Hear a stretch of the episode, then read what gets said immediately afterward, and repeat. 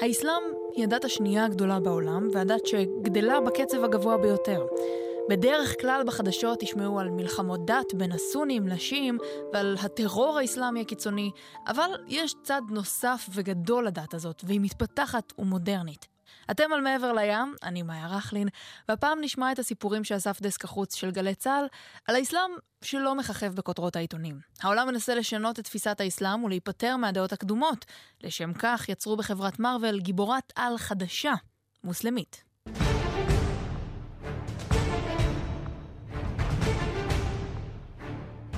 כשדמותה של כמאלה חאן הופיעה לראשונה בספרי הקומיקס לפני חמש שנים, היא עוררה התלהבות רבה בקרב הקוראים. לראשונה הם מצאו בין הדפים המצוירים דמות של גיבורת על, שהיא אישה וגם מוסלמית.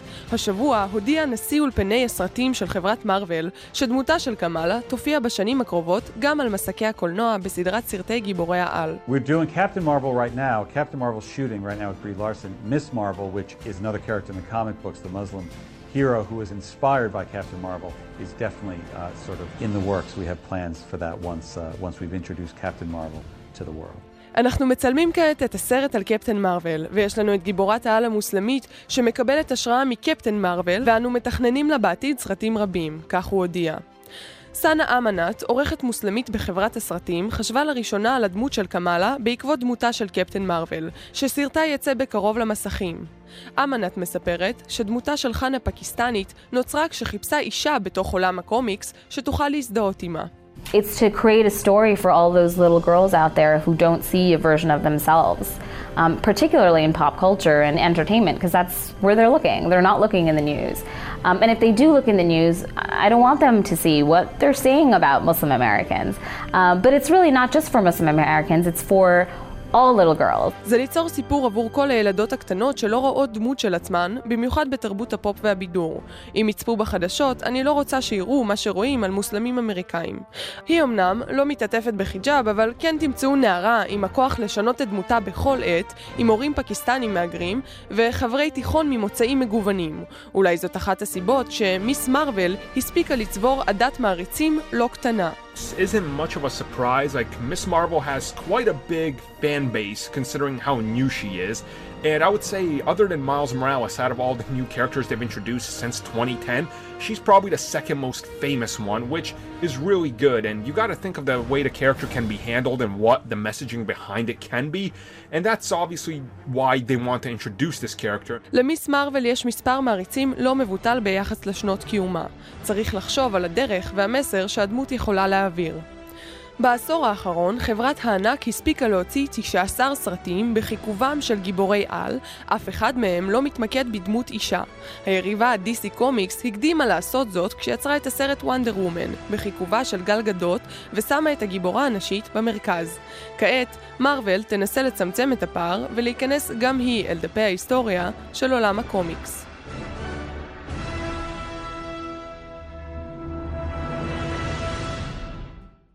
כמאלה חאן עתידה להופיע גם בסרט ולהיכנס לספרי ההיסטוריה, אבל כנראה ייקח עוד הרבה זמן עד שיראו בה ובאחיותיה פחות מאיימות.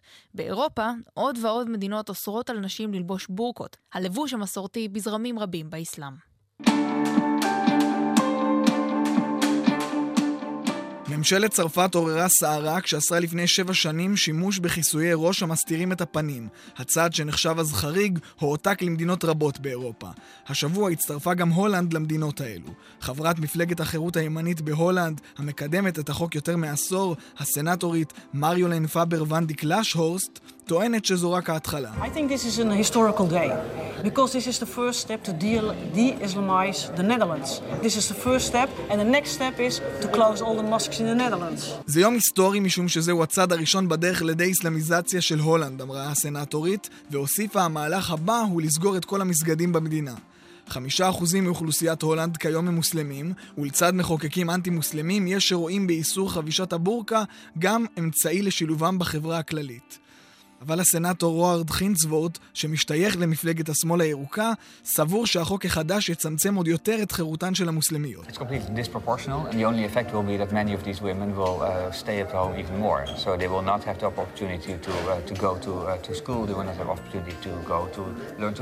ההשפעה היחידה שתהיה לחוק הזה היא שנשים מוסלמיות יישארו בבית. לא תהיה להן הזדמנות ללמוד בבית הספר או ללמוד לשחות. בממשלת הולנד מתעקשים שמטרת החוק היא לא לפגוע במוסלמים, וכך מצאו את דרכם לסעיפי החוק גם פריטי לבוש אחרים.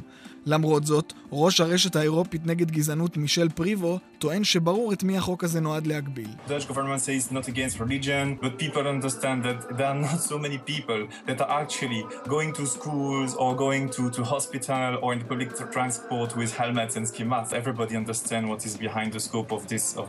אין הרבה אנשים שהולכים לבתי ספר, בתי חולים או נוסעים בתחבורה הציבורית עם קסדות או מסכות סקי. כולם מבינים מה עומד מאחורי החוק הזה. רק בחודש האחרון אושר בדנמרק חוק דומה, וגם בנורבגיה אסר הפרלמנט על עטיית רעלות מוסלמיות בגנים, בבתי הספר ובאוניברסיטאות. נדמה שהמגמה הזאת לא תיעלם.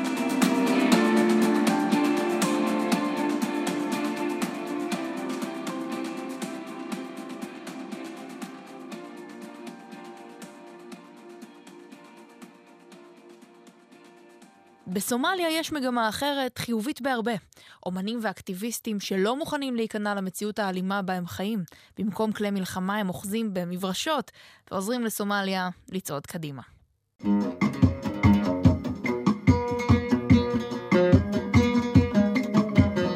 למרות האלימות המתמשכת, הכלכלה בבירת סומליה מוגדישו צומחת.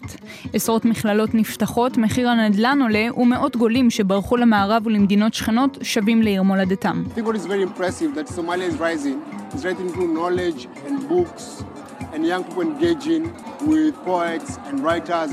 זה מאוד מרשים שסומליה פורחת, מתאר צעיר מקומי ביריד ספרים שנערך השנה בבירה, בו חגגו את יציאתם לאור של אלפיים ספרים. סומליה מתעשרת במידע וצעירים הופכים למשוררים, סופרים ואומנים. פאטימה הווייס, בת ה-19, מנסה את מזלה כציירת ושואפת לפרוץ בתחום ולאפשר לנשים נוספות בסומליה להשתמש באומנות לביטוי דעותיהן. ציור זו התשוקה היחידה שלי, היא מספרת, באמצעות האומנות אפשר לחנך את הדור הצעיר על עבר מדינתנו. פאטימה היא אחת מתוך גל אומנים, פעילים חברתיים ויזמים ששוטף את סומליה בשנים האחרונות, ובייחוד את עיר הבירה מוגדישו בת השלושה מיליון תושבים. קבוצת סטודנטים בשם פרחי העיר החליטה לעצב מחדש את הבירה. הם מסמנים עשרות מעברי חצייה, מוסיפים תמרורי תנועה ושותלים פרחים לאורך מדרכות העיר.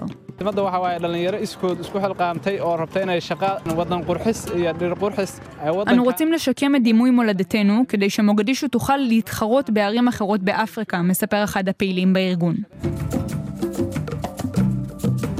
המלחמה בסומליה מתחוללת כבר שני עשורים.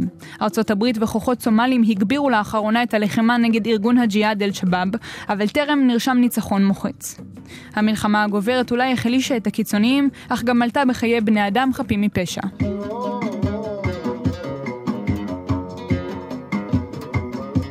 את צלילי האוד הללו פורט קבן להווייז, נגן מוזיקה סומלית מסורתית שמופיע מדי ערב במלון יוקרה בחופי הבירה. זוהי מוגדישו, אנחנו צוחקים, שרים ומנגנים מוזיקה, הוא אומר. לפני שנתיים קבן לשרד פיגוע התאבדות סמוך למקום עבודתו. עשרה אנשים נהרגו במתקפה, ביניהם חבריו הטובים. כעת הוא מבטיח לעיתון הגרדיאן, מוזיקה היא לשלום, כדי שנפסיק לחיות בפחד.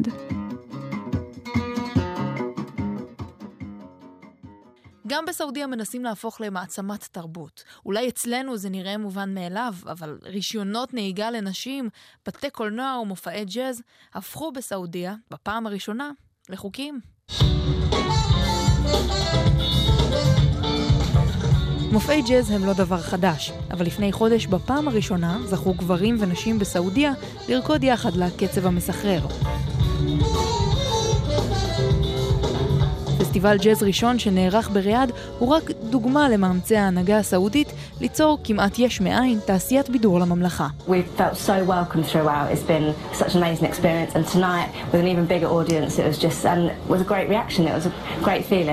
הקהל רק גדל מהופעה להופעה וקיבלנו תגובות מעולות, מספרת אחת המופיעות. הרגשנו רצויים. בשנים האחרונות הגיעו למדינה השמרנית מופעי מחול, קונצרטים, כוכבים בינלאומיים ואפילו תצוגת אופנה ראשונה שתיארך בקרוב בסעודיה. בתי קולנוע שעד לפני שנה היו אסורים במדינה תפסו תאוצה במהירות, וחברות בינלאומיות חתמו על עסקאות להפעלת בתי קולנוע ברחבי כל הממלכה. כל שי صراحة أتمنى يعني لأنه حاجة جديدة على السعودية فأتمنى كل شيء يكون موجود أكشن رومانسي אטפל, קומידי, כל שי, אינשאללה. אני רוצה לראות הכל, משהו חדש קורה בסעודיה. אני מקווה שיהיה מגוון רחב של סרטים, אקשן, רומנטיקה, סרטי ילדים, קומדיות, הכל, אמרה תושבת סעודיה.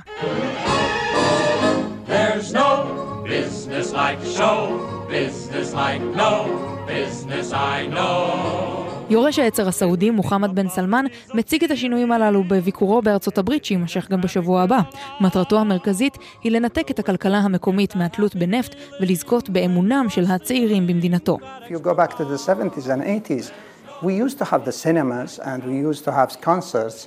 And Saudi Arabia used to have more fun than בשנות ה-70 וה-80 היו לנו בתי קולנוע ומופעי מוזיקה.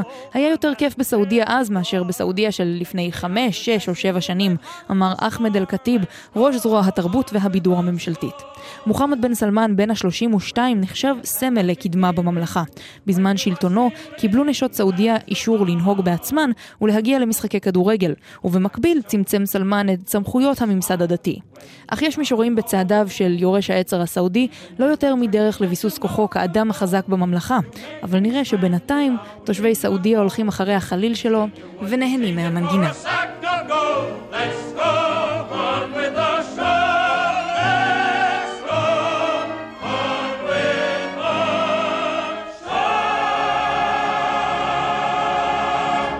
ולמרות החזית הנחמדה שמוחמד בן סלמן, יורש העצר הסעודי, ניסה לצייר לממלכה, פרשת היעלמות העיתונאי ג'מאל חשוקג'י בקונסוליה הסעודית באיסטנבול, הזכירה לעולם כמה אכזרי יכול להיות המשטר בריאד.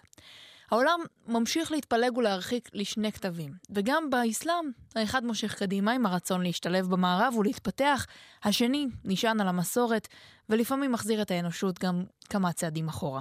עד כאן מעבר לים. תודה לעורכת שלנו ליאור ארליך. את הסיפורים הפעם הביאו ניקול לוין, יאיר אורוויאטו ויערה אגם מחורי. אני מאיה רכלין, ונתראה בפעם הבאה.